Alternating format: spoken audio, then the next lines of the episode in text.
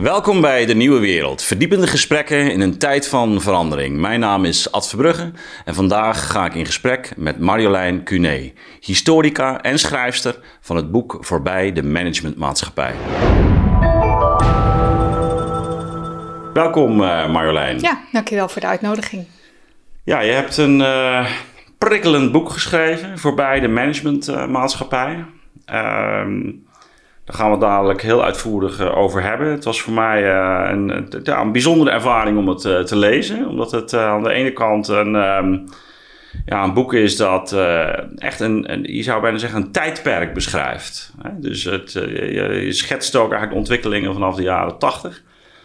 En ja, ik lees het nu in een tijd waarin het bijna wel lijkt alsof die managementmaatschappij op springen staat. In de zin dat de, een overheid zich op een hele nieuwe manier nu manifesteert. Allerlei zaken die voorheen eigenlijk aan de markt werden uitbesteed, die, die doet die overheid nu uh, zelf. Uh, is ook voor ons uh, even wennen. En de vraag is wat dat allemaal gaat betekenen.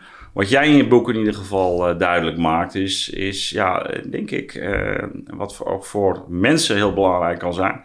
Uh, hoezeer er een bepaalde mentaliteit en taal is geslopen in de manier waarop wij naar onszelf kijken, naar organisaties kijken, naar overheden kijken. En ja, hoe, wat er daarbij ook allemaal verloren is gegaan. En, en, en ja, hoe dat ook als een soort, bijna als een soort gevangenschap kan, kan uitwerken.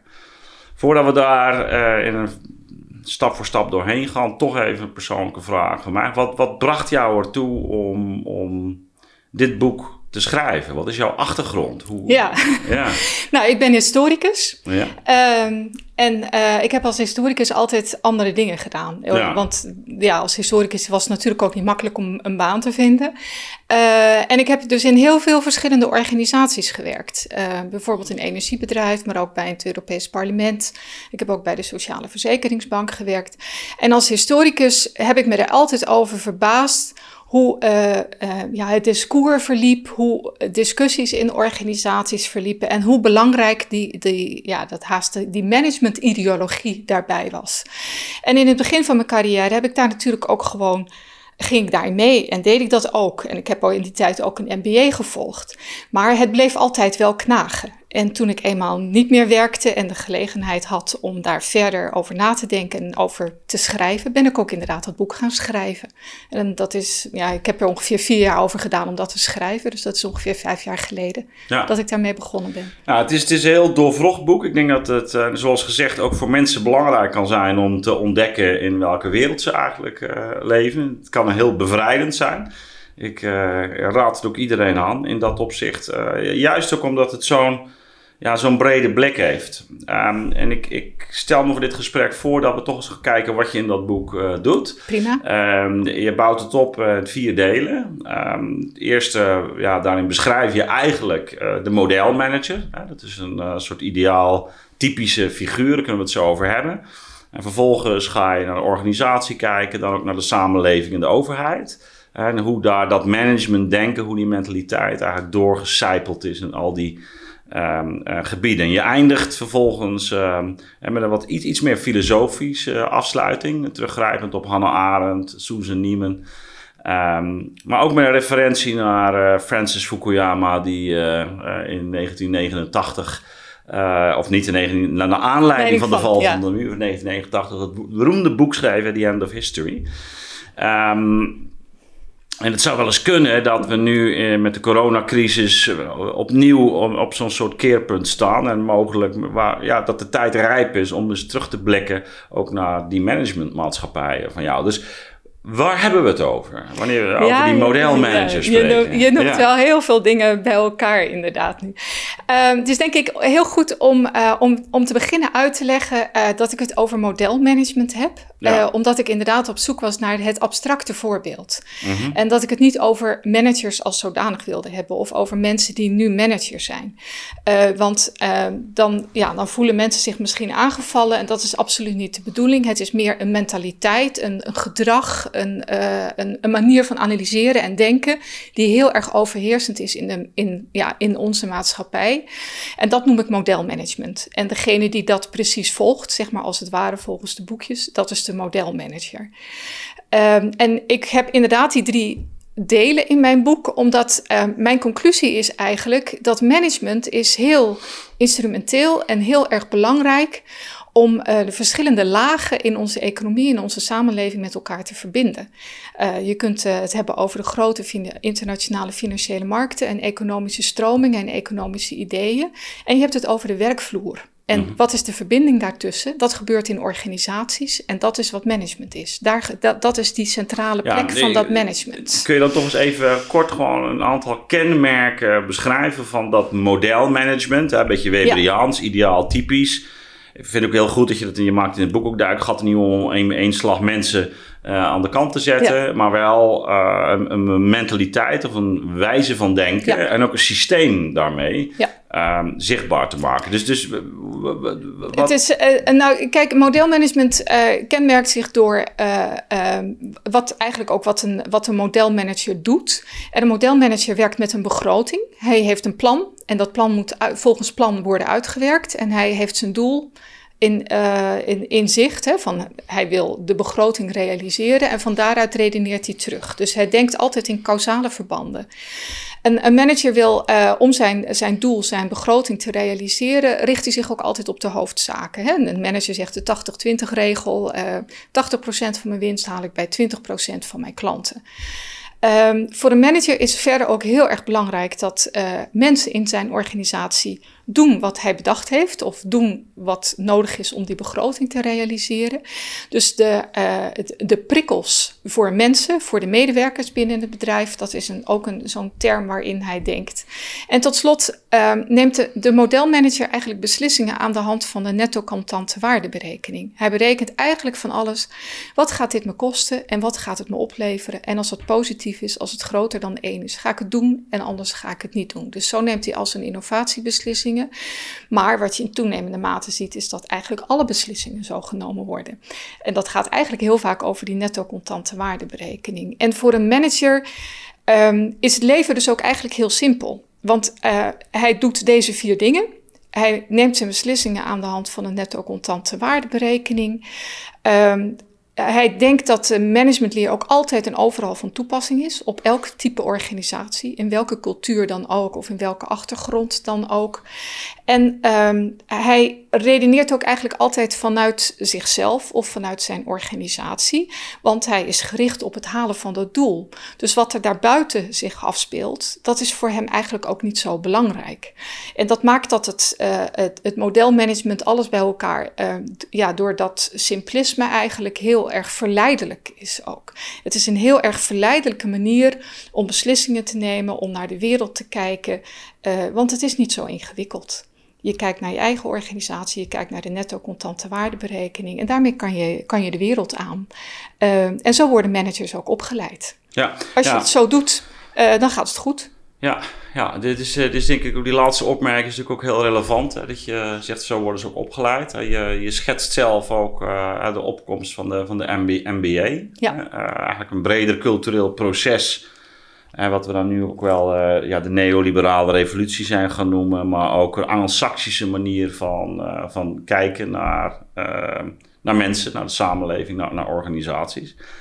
Um, dat is bij ons ook in, in bedrijfskundige opleidingen terechtgekomen. Ja. Dus het, je kunt zeggen, nou ja, het, is, het is de manier waarop mensen opgeleid worden. Dus, dus ja, of het nou gaat om een koekjesfabriek een, uh, een verpleeghuis uh, of een universiteit. Ja, je kunt het gewoon managen. En uh, daar horen technieken bij. Ik vond zelf heel verhelderend hoe je ook de, de, de rol van McKinsey, ja, die ook, ook in het begin eigenlijk meteen al schetst, die, die bijna een soort iconische rol spelen in die, in die revolutie van de laatste 30, 40 jaar. En, en inderdaad, eh, dat, dat gegeven van alles budgetteren en dan dat terugredeneren. Vanuit Terug, uh, terugredeneren van oké, dit is eigenlijk uh, zoveel, naar zoveel winst streven. Wat is, wat is daarvoor nodig? Um, ja, is, is dat wat, je, wat je denk ik. Kijk, op een bepaalde manier was het denk ik ook onvermijdelijk dat er iets gebeurde eind jaren zeventig. Dus, dus de, de vraag is natuurlijk altijd: was dit de oplossing? Hè? Maar. Ehm, ja, wat, wat denk ik het belangrijkste verschuiving is, is dat je, dat je ook aangeeft dat die, dat die enorme kwantificering en financialisering ook zo binnenkomt. Hè? Ja, het is natuurlijk heel sluipend gegaan. Ja. Um, er zijn denk ik een aantal dingen van belang. Um, kijk, management is Anglo-Saxisch. Uh, het komt uit de Anglo-Saxische wereld. En in die Anglo-Saxische wereld um, is het doel van management ook omschreven als uh, niet als winst voor het bedrijf, maar als winst voor de aandeelhouder, voor de geldschieter. Dus in die Anglo-Saxische wereld is het doel van een organisatie eigenlijk gelegen buiten de organisatie zelf. Dat zat er al heel vroeg in. Hè? Dat zat er al heel vroeg in. Dus dat, dat, is, dat is die hele leer van dat, van dat managementdenken. Uh, dat managementdenken is natuurlijk wel naar Europa overgeslagen, maar het is ook in de Verenigde Staten ontstaan. Um, en um, in, de, in de Verenigde Staten kan het ook is het waarschijnlijk ook een reactie geweest op wat daar hmm. aan de hand was. Um, en daar, zou ik heel graag nog eens historisch onderzoek naar willen doen. Maar um, het, er zijn natuurlijk ook, uh, het, het, wordt daar ook wel gezegd dat dat sterke managementdenken een reactie geweest is op de burgerrechtenbeweging. Uh, waarin veel meer mensen veel meer rechten voor zichzelf gingen opeisen. En dat, dat managementdenken dat als het ware ook weer kon afkappen. Van ja, uh, we gaan hmm. dit maar eens eventjes organiseren binnen de bedrijven. Oh, dat Want dat is veel, in, dat is veel eh, dat is voor de machthebbers, hè, voor de, uh, het establishment, veel interessanter oh, oh, dan dat veel meer mensen, veel meer uh, democratische en, en burgerrechten en mensenrechten zijn in de Verenigde Staten van oudsher heel erg aan elkaar verbonden, dat die zich zo zouden gaan ontwikkelen. Nou ja, dus, dat is, dus dan zeg je in feite dat het, het, het machtsdenken en het, het consolideren van macht uh, een, drijfveer kan zijn geweest in, in de, nou, de, opkomst. Zie je ook een versnelling eind jaren 60, 70? Nou, ik denk dat de, in heel veel van de ideeën zijn, zeker al in de jaren 60 en 70, de macro-economische ideeën opgeschreven. Mhm. Maar voordat dat dan zijn gestalte krijgt, uh, nou je kunt het zien, hè, Milton Friedman is begonnen in de jaren 50. Uh, publicaties in de jaren 60 en 70. Porter, die dat in de jaren 80 heeft overgenomen. En Porter, die nog, nog steeds bezig is. Maar er, is wel een sequentie in van hoe die, hoe die dingen gaan. En is natuurlijk ook altijd. Het is een heel dominante beweging, maar er is ook natuurlijk een onderstroom. Ja, en, ja want die eh, factor macht die haal je ook nog aan. Hè? Dus een van de idealen uh, van die modelmanager is dat hij in control is. Ja, ja, want anders uh, dat uh, hij, hij wil die begroting realiseren. Ja, wat, wat houdt dat in, in control? Je hoort het nu ook nou bij de coronacrisis. Het gaat erom dat we in control zijn. Ja, nou ja, je wilt een bepaald doel bereiken. En om dat doel te bereiken is het dus nodig dat je zicht hebt op weg naar dat doel of je op weg bent. En uh, een manager die gaat daarvoor dan dus uh, bepaalde kengetallen ontwikkelen. Hij gaat de winst- en verliesrekening, hij gaat zijn cashflow bekijken. En dat, daardoor is hij in control om te kijken of hij zijn begroting gaat realiseren. En dat is een gedachte die, uh, die nu, ja, die is zo overheersend. Die is bij alles eigenlijk aanwezig. Ik vond, ik vond nu met de coronacrisis heel interessant dat in het begin zei Mark Rutte. Um, ja, het doel is uh, groepsimmuniteit. Ja, ja, zeker. Ja. En dat is natuurlijk iets wat je hoopt dat dat er op een gegeven moment is, die groepsimmuniteit. Maar als je op het moment dat je het als doel formuleert, dan ontstaat direct de discussie. Ja, en hoe gaan we dat dan bereiken en wanneer en, eh, en hoeveel mag dat kosten? Dat en ook helemaal niet meer te handhaven. En dan is het dus niet meer te handhaven. Het is wel het idee en het, uh, de, de hoop dat je op een gegeven moment groepsimmuniteit hebt. Natuurlijk heel, een heel goed idee is. En, en een goede hoop om te hebben. Ja. En, uh, nou, dan, het is geen werkbare formule. Het is niet, het is uh, nou, de vraag is of het niet werkbaar is, maar je kunt nou, het in elk geval traditioneel niet manager, in, als voor, voor de modelmanager is het niet werkzaam. Ja. En dat, dat, nou, dus dat soort dingen worden door die coronacrisis nu wel zichtbaar. Dat is wel interessant. Ja, je merkt wat dat betreft ook in de laatste persconferentie dat dat managementdenken, zou je bijna zeggen, weer uh, opnieuw heel stevig is. En met dashboards. Waar we, met dashboards met, en een dus roadmap. Dus, en, een roadmap sturen. misschien is McKinsey wel mee, heeft het wel geïmplementeerd. Hè? Maar is dat, dat hele ja, die, dat jargon is natuurlijk heel. Ja. en dat kan je natuurlijk best, best loslaten op.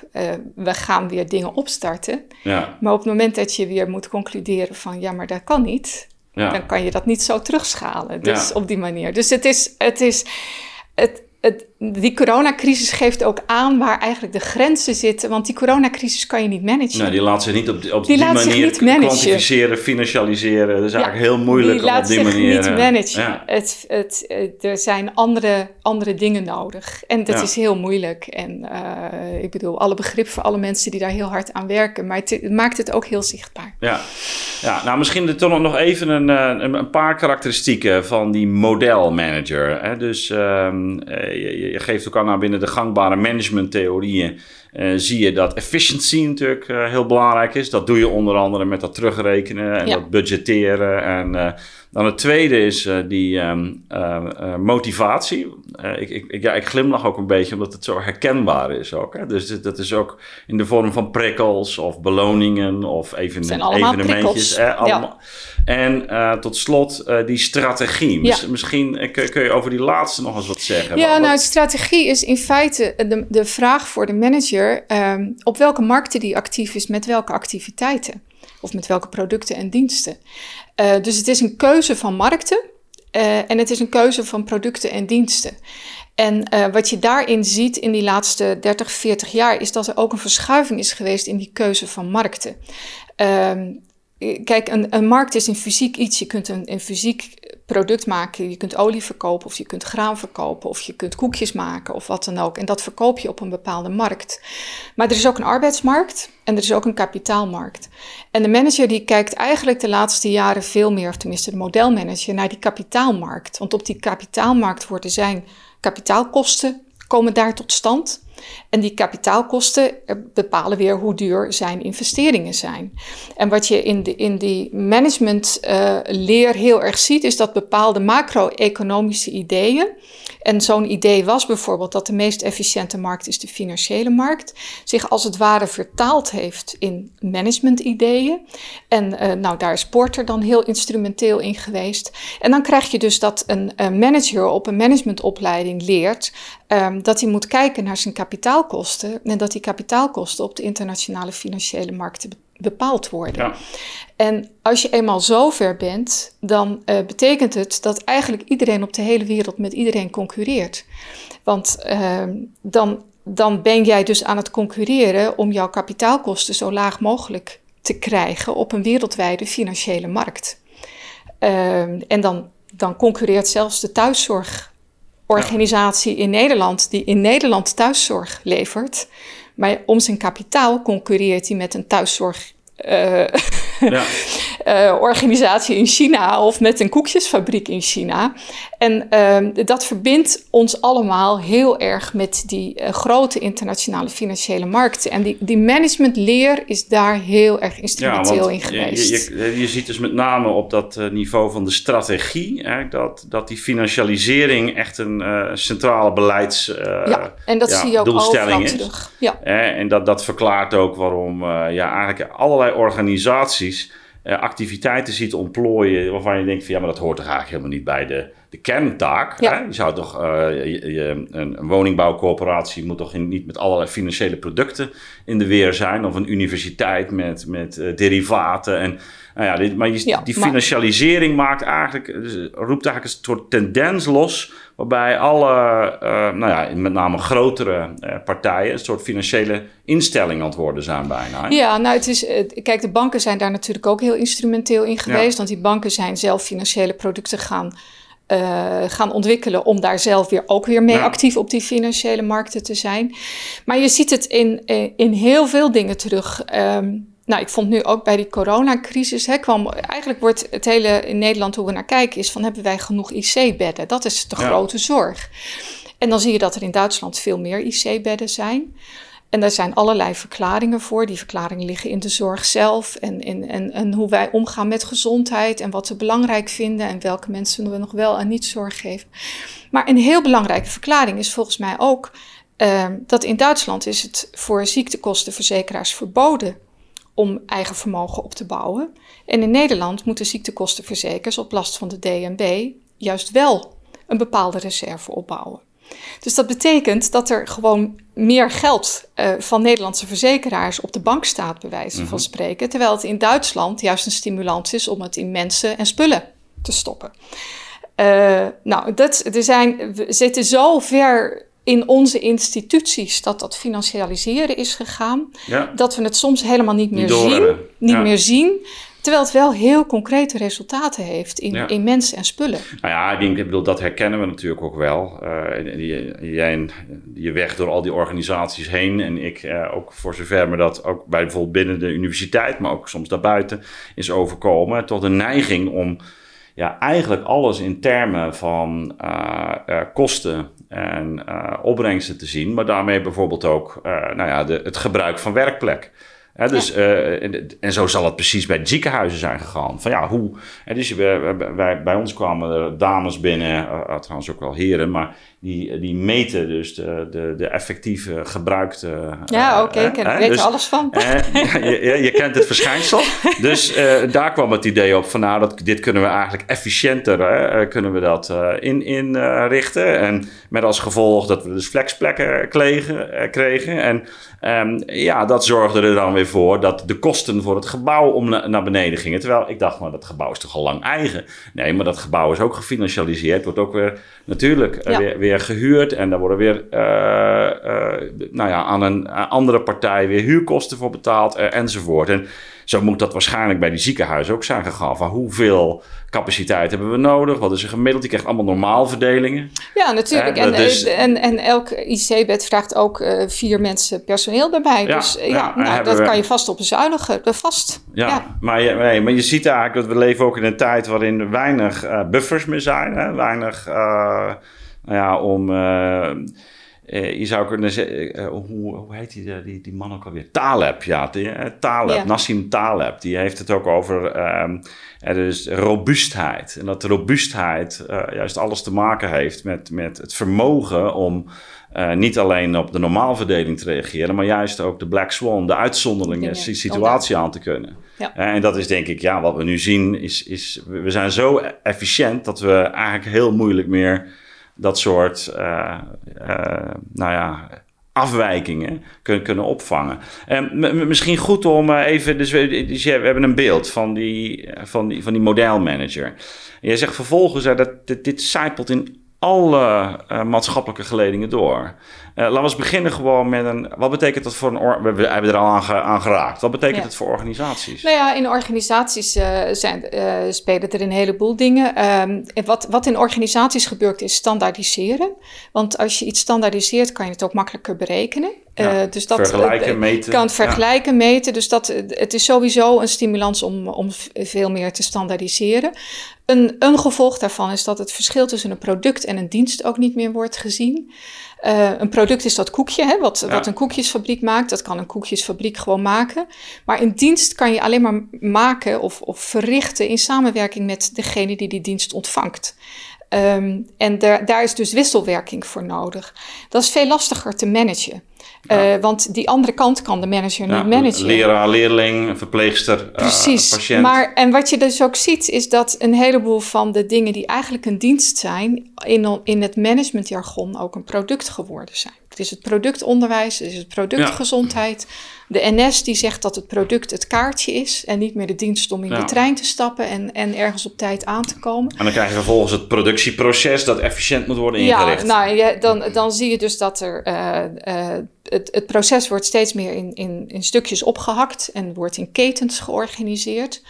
Uh, dus waar je vroeger misschien uh, mensen rond, het, uh, rond een bepaald probleem had, die van alle verschillende kanten naar een bepaald probleem keken of naar een patiënt keken en proberen dat met elkaar zo goed mogelijk te doen, wordt het nu in, in, in ketens opge, opgeknipt en geeft de ene de diagnose en de volgende die geeft het behandelplan en de derde gaat daadwerkelijk die behandelen. Die soms ook nog allemaal hun eigen budgettering hebben Precies. en soms concurreren. En, en, en, en, nou ja, wat je dus in heel veel organisaties organisatie ziet, is dat eigenlijk niemand meer het overzicht heeft. Dat, dat, dat dat gewoon helemaal uit beeld verdwijnt. Nou, uh, de IT heeft daar natuurlijk heel erg bij geholpen. Als je, uh, als je mensen dwingt om uh, met IT te werken. Ja, IT kan heel erg helpen om een, bij beslissingen nemen, om een beslisboom te maken, om mensen informatie te geven enzovoort.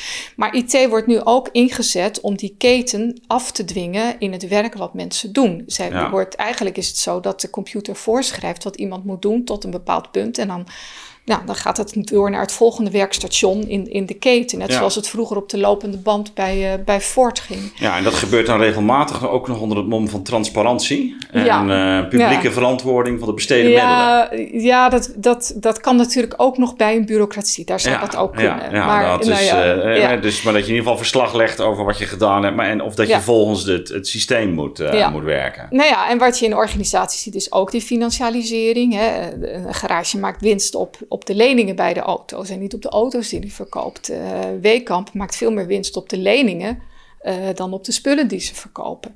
Dus uh, op de consumptieve kredieten mhm. dan. Dus ook daar zijn het, is die financialisering uh, steeds verder doorgeschoven.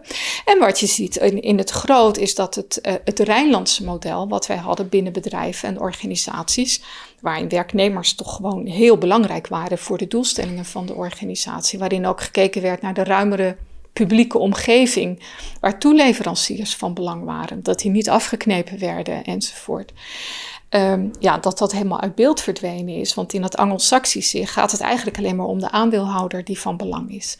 Dus je ziet heel veel. Ja, dus die sociale relatie is eigenlijk instrumenteel. Eh, de, de, de, ja, je ziet eigenlijk dat het eh, dat, modelmatig gesproken dan. Ja, modelmatig. Ik, ik vind dat je het bij werknemers heel duidelijk ziet. Kijk, werknemers eh, werden uh, nou ja, 30, 40 jaar geleden toch nog heel erg gezien als onderdeel van een organisatie, als een werkgemeenschap. En nu is het een van de factoren waarmee je onderhandelt en worden de werknemers als het ware buiten het bedrijf gezet. Eh, want je kunt ze zo weer inhuren. Uh, En ze worden ook letterlijk buiten het bedrijf gezet, want ze zijn de flexibele schil rondom het bedrijf. Uh, en horen niet meer tot de werkgemeenschap van het bedrijf. En zo, uh, ja, dat, die verschuiving van het Rijnlandse naar het Angelsaksische is, is ook de afgelopen 30 jaar gebeurd. En nou, al deze beschrijvingen die ik nu geef, wat er binnen organisaties gebeurd is, het is heel sluipend gegaan. Het is niet in het geniep gegaan, maar het zijn telkens hele kleine stapjes. En als je dan na 30, 40 jaar terugkijkt, zeg je ja, het is toch wel heel, heel erg anders. Ja.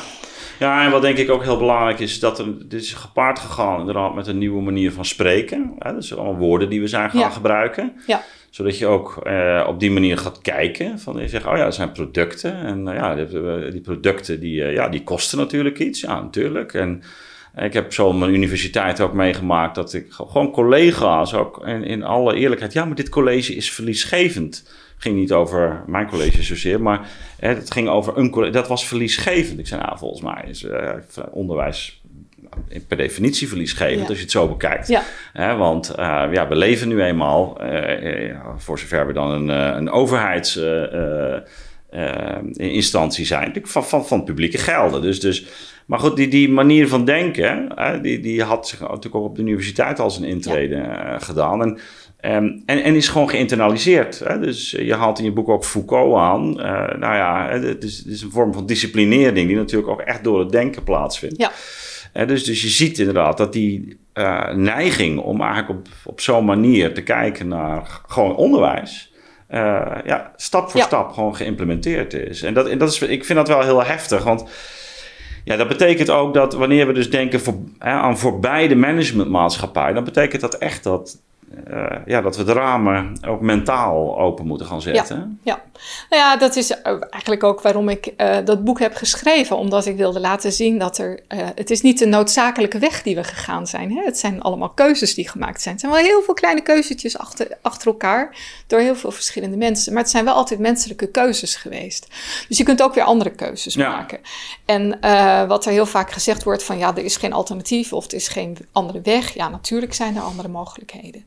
En als je ziet hoe je hier gekomen bent, dan kan je ook zien dat er weer de wereld eh, ontelbaar mogelijkheden heeft om, om het weer op een andere manier te doen. de volgende generaties zullen dat ook weer anders doen. Ja. En...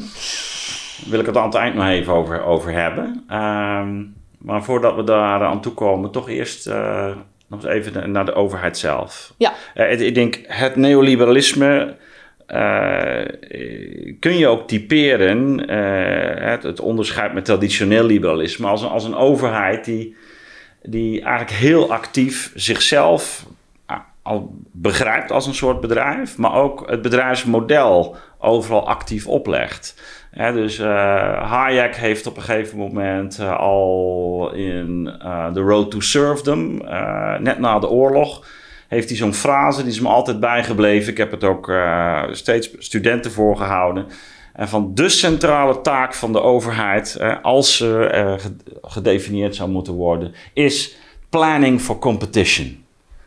Dus uh, voor zover gepland moet worden door die overheid, dan moet ze competitie, wedijver plannen. Ja. Nou, dat hebben we afgelopen decennia kunnen zien. Hè? Ja. maar er is nog meer gebeurd. En, en dat, dat geef je ook, vind ik, op een hele ja, toch ook, ook wel een beetje navrante manier bijna aan wat, wat er met onze rechtsstaat daardoor ook ja. Gebeurt. Ja. ja, want dat idee van Hayek staat natuurlijk uh, lijnrecht tegenover het idee van, uh, van Spinoza, hè? Wat, wat bij ons op, uh, in Amsterdam, van de overheid is vrijheid. De overheid beschermt ons en de overheid beschermt ons tegen onszelf, maar ook tegen elkaar. De overheid waarborgt uh, ons, onze, onze veiligheid, onze, onze, uh, dat we vrije gedachten mogen hebben. Uh, nou, onze godsdienstvrijheid ging het hem toen ook om. Dat is een totaal andere opvatting over wat de overheid is.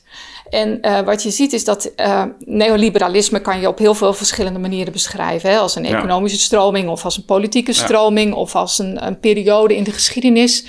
Maar wat, wat dat neoliberalisme heeft, is een bepaalde gedachte bij de mens. De mens in competitie, een mens die een hm. ondernemertje van zichzelf is. En ook een bepaald ordeningsdenkbeeld bij de, bij de wereld en bij de overheid. En dat is eigenlijk van, nou, de overheid moet markten mogelijk maken, moet die competitie mogelijk maken. En soms ook wel van de overheid overheid moet diensten verlenen en in ruil daarvoor mag ze belasting heffen. Dat is eigenlijk het, het neoliberale mens- en ordeningsdenkbeeld. En dat staat natuurlijk lijnrecht tegenover een heel ander mogelijk ordeningsdenkbeeld. Dat de mens een vrije burger is, die zelfstandig kan nadenken, die misschien zich wel niet door competitie wil laten leiden. En dat uh, de over, een, een, overheid er is of een, een, een natie staat om mensen te beschermen, om tijdig beslissingen te nemen, om, uh, om een bepaald evenwicht in een land te krijgen, uh, om, om zeggenschap te organiseren. Dus er zijn totaal verschillende ja. mens- en wereldbeelden. Ja, nou ja, en dat kijk, ene wereldbeeld is dat neoliberale wereldbeeld is nu zo overheersend dat dat andere eigenlijk nauwelijks. Ja, dat, dat vind ik ook heel beangstigend. Dat als je daarover praat, uh, dat mensen het misschien nog wel herkennen, maar uh, het moet wel echt benoemd worden, kunnen, willen mensen het kunnen herkennen. Het is niet meer automatisch waarvanuit geredeneerd ja. wordt. Nou, dat is denk ik ook een van de, de, de misvattingen omtrent dat concept markt. Hè? Dat, dat mensen in onvoldoende mate onderkennen dat natuurlijk een markt sowieso alleen maar mogelijk is omdat er een overheid bestaat. Hè, de, die uh, bijvoorbeeld uh, privé-eigendom ja, uh, beschermt. Ja. bedoel, dat is natuurlijk de, traditionele kritiek geweest, ook vanuit de communistische hoek. Hè, maar de, de, manier waarop eigenlijk privaat eigendom is, is ontstaan binnen de moderne maatschappij.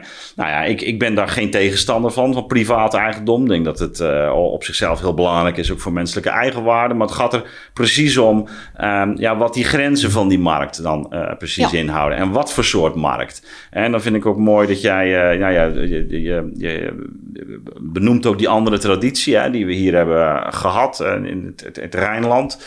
En ook met een andere verhouding tot die overheid, over andere manieren, andere rol van. Uh, de, uh, ja, de, de, de, stakeholders zeggen we nu al, maar het zijn eigenlijk de belanghebbenden. Hè? Dus de, de, de, maatschappelijke ja. taak van de onderneming, maar ook de overheid die daar ook weer zijn eigen uh, rol in speelt. Wat ik interessant vond, is dat je um, uh, ook expliciet aankaart, en dat ik vond het zelf ook heel verhelderend, dat met de, de opkomst van wat we dan nu New Public Management zijn gaan noemen hè, in de jaren tachtig, ook die overheid zelf dus, dus eigenlijk als een, als een soort bedrijf marktachtig is gaan functioneren. Misschien kun je daar nog eens een aantal. Nou ja, dat, dat zie je in heel veel dingen. Ik vind een heel belangrijk voorbeeld daarvan is bijvoorbeeld dat aanbestedingsbeleid. Ja. Uh, en uh, dat is uh, echt, nou, wanneer is het? Eind jaren tachtig of zo is dat eh, pas in Europese wetgeving vastgelegd. Ja, Europa speelt een heel belangrijke rol. Europa in, speelt een ontzettend. Europa heeft zichzelf eigenlijk rond dit soort neoliberale gedachten georganiseerd. georganiseerd hè? Dat is. En dat is natuurlijk nu de grote uitdaging voor de EU. Van kan je je Europees ook op een andere manier organiseren? Ja, tamelijk is... ironisch dat nu notabene de UK eruit is. Ja, ja, ja. en we hier eigenlijk... Uh, ja, dus, en, nou ja, dus, het is heel... Ik bedoel, het is allemaal heel, heel interessant en heel spannend wat er gaat gebeuren. Maar dat aanbestedingsbeleid, bijvoorbeeld vroeger, ja, een ambtenaar deed gewoon iets. En nu is een ambtenaar heel vaak bezig om iets aan te besteden, dat een ander het doet. Ja. Ehm, en op het moment dat je iets aanbesteed hebt, dan, uh, dan is er een contract getekend en is eigenlijk de publieke invloed daarop ook verdwenen. En ja, dat, dat hoor je dan ook hè, van een, een, wethouder die niet meer kan, kan optreden binnen een thuiszorgorganisatie, want het is nou eenmaal zo in het contract geregeld. Ja. Dus tussentijdse bijsturing is eigenlijk haast niet meer mogelijk dan. Uh, nou, dat is dan zo'n voorbeeld waar, waar burgers dan ook tegenaan lopen. Want burgers kunnen dan ook hun vertegenwoordigende politici daar niet meer op aanspreken. Van hé, hey, maar ik vind dat jij dat verkeerd georganiseerd hebt. Ja, dat, uh, dat is in een contract vastgelegd. En ja, maar jij zegt het ondermijnt in de kern de democratie, hè, wat hier gebeurt. Ja, als je het. Uh, nou, als je het. ja, het is natuurlijk altijd een kwestie van extreme, maar het is, het, het, het is er in elk geval. Ehm, ja, ondermijnen is een heel groot woord, maar het is er wel strijdig mee. Dat je je publieke invloed heb je beperkt op het moment dat je een aanbesteding hebt gegeven. En je publieke invloed heb je ook beperkt op het moment dat je zegt de markt kan het beter doen. Want op de markt is, de ster is het het recht van de sterkste of de rijkste of de, de machtigste. Uh, terwijl in een democratie is, is iedereen gelijk. Ja. En uh, de, die twee dingen zijn wel strijdig met elkaar. Daar moet je heel, goed over nadenken. Maar het is heel fundamenteel. Want uh, dus, dus die introductie van dat nieuw public management heeft eigenlijk, eigenlijk voor een andere taakopvatting van die overheid ja. uh, gezorgd vanaf dat moment zie je eigenlijk ook dat steeds meer het idee van governance in de, in de mode uh, raakt. Ja. Uh, je, je, wordt er ook mee doodgeslagen. Ja. Ik word af en toe heel moe van. De governance, de governance.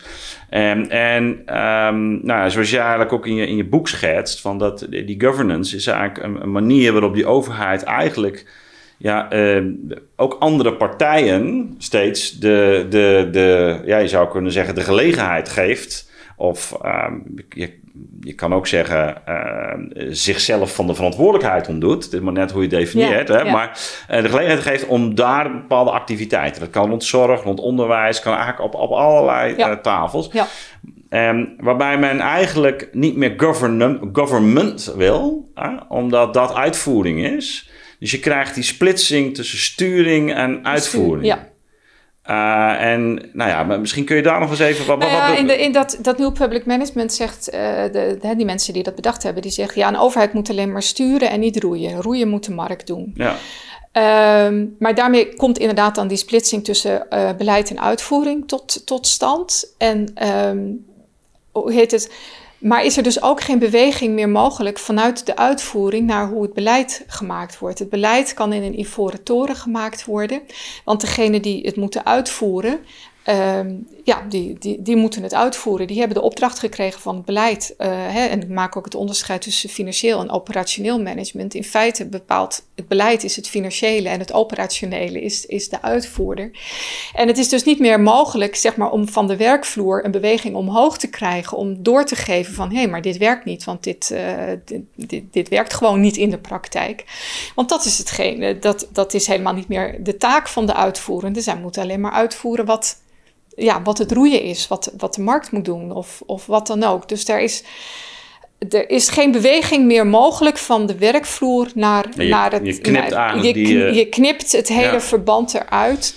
En als je het nog, nog uh, conceptueler bekijkt, dan kan je ook zeggen van, nou ja, wat jij noemde, hè, van. Uh, nou, bijvoorbeeld, er zijn nu allemaal klimaattafels geweest. Er zitten heel veel belangenorganisaties enzovoort aan tafel. En uiteindelijk komt men tot een, uh, tot een conclusie en tot een compromis.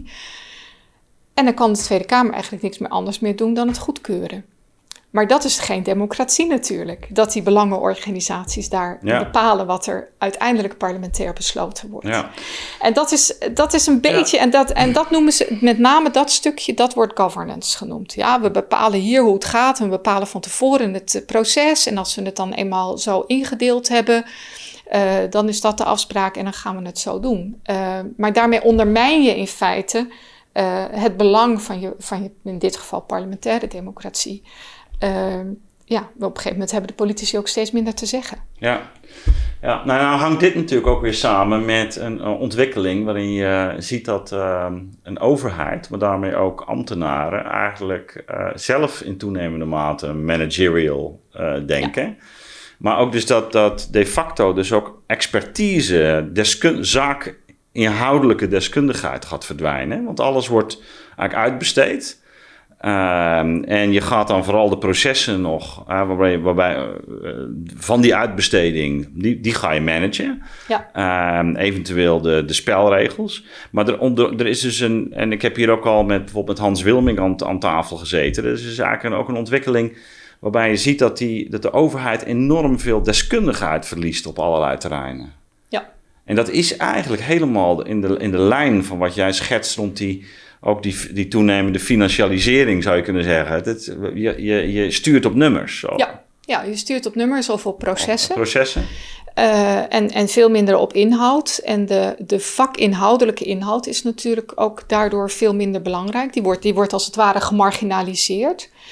En uh, iemand als Cenk Willink, die zegt dan ja, bijvoorbeeld, hè, die, die zegt dan van, nou ja, ook de, Ehm, ja, hij noemt dat geloof ik de beroepseer of de beroepstrots. Of de, ehm, maar ook de. Ehm, ja, het gaat, het gaat nog dieper dan dat je je vakinhoudelijke verantwoordelijkheid. Precies. Die, die is lastig vast te houden in een dergelijke situatie. Uh, want je wordt altijd beoordeeld op, uh, op, op of je binnen het budget bent en of je je aan het proces gehouden hebt. Ja.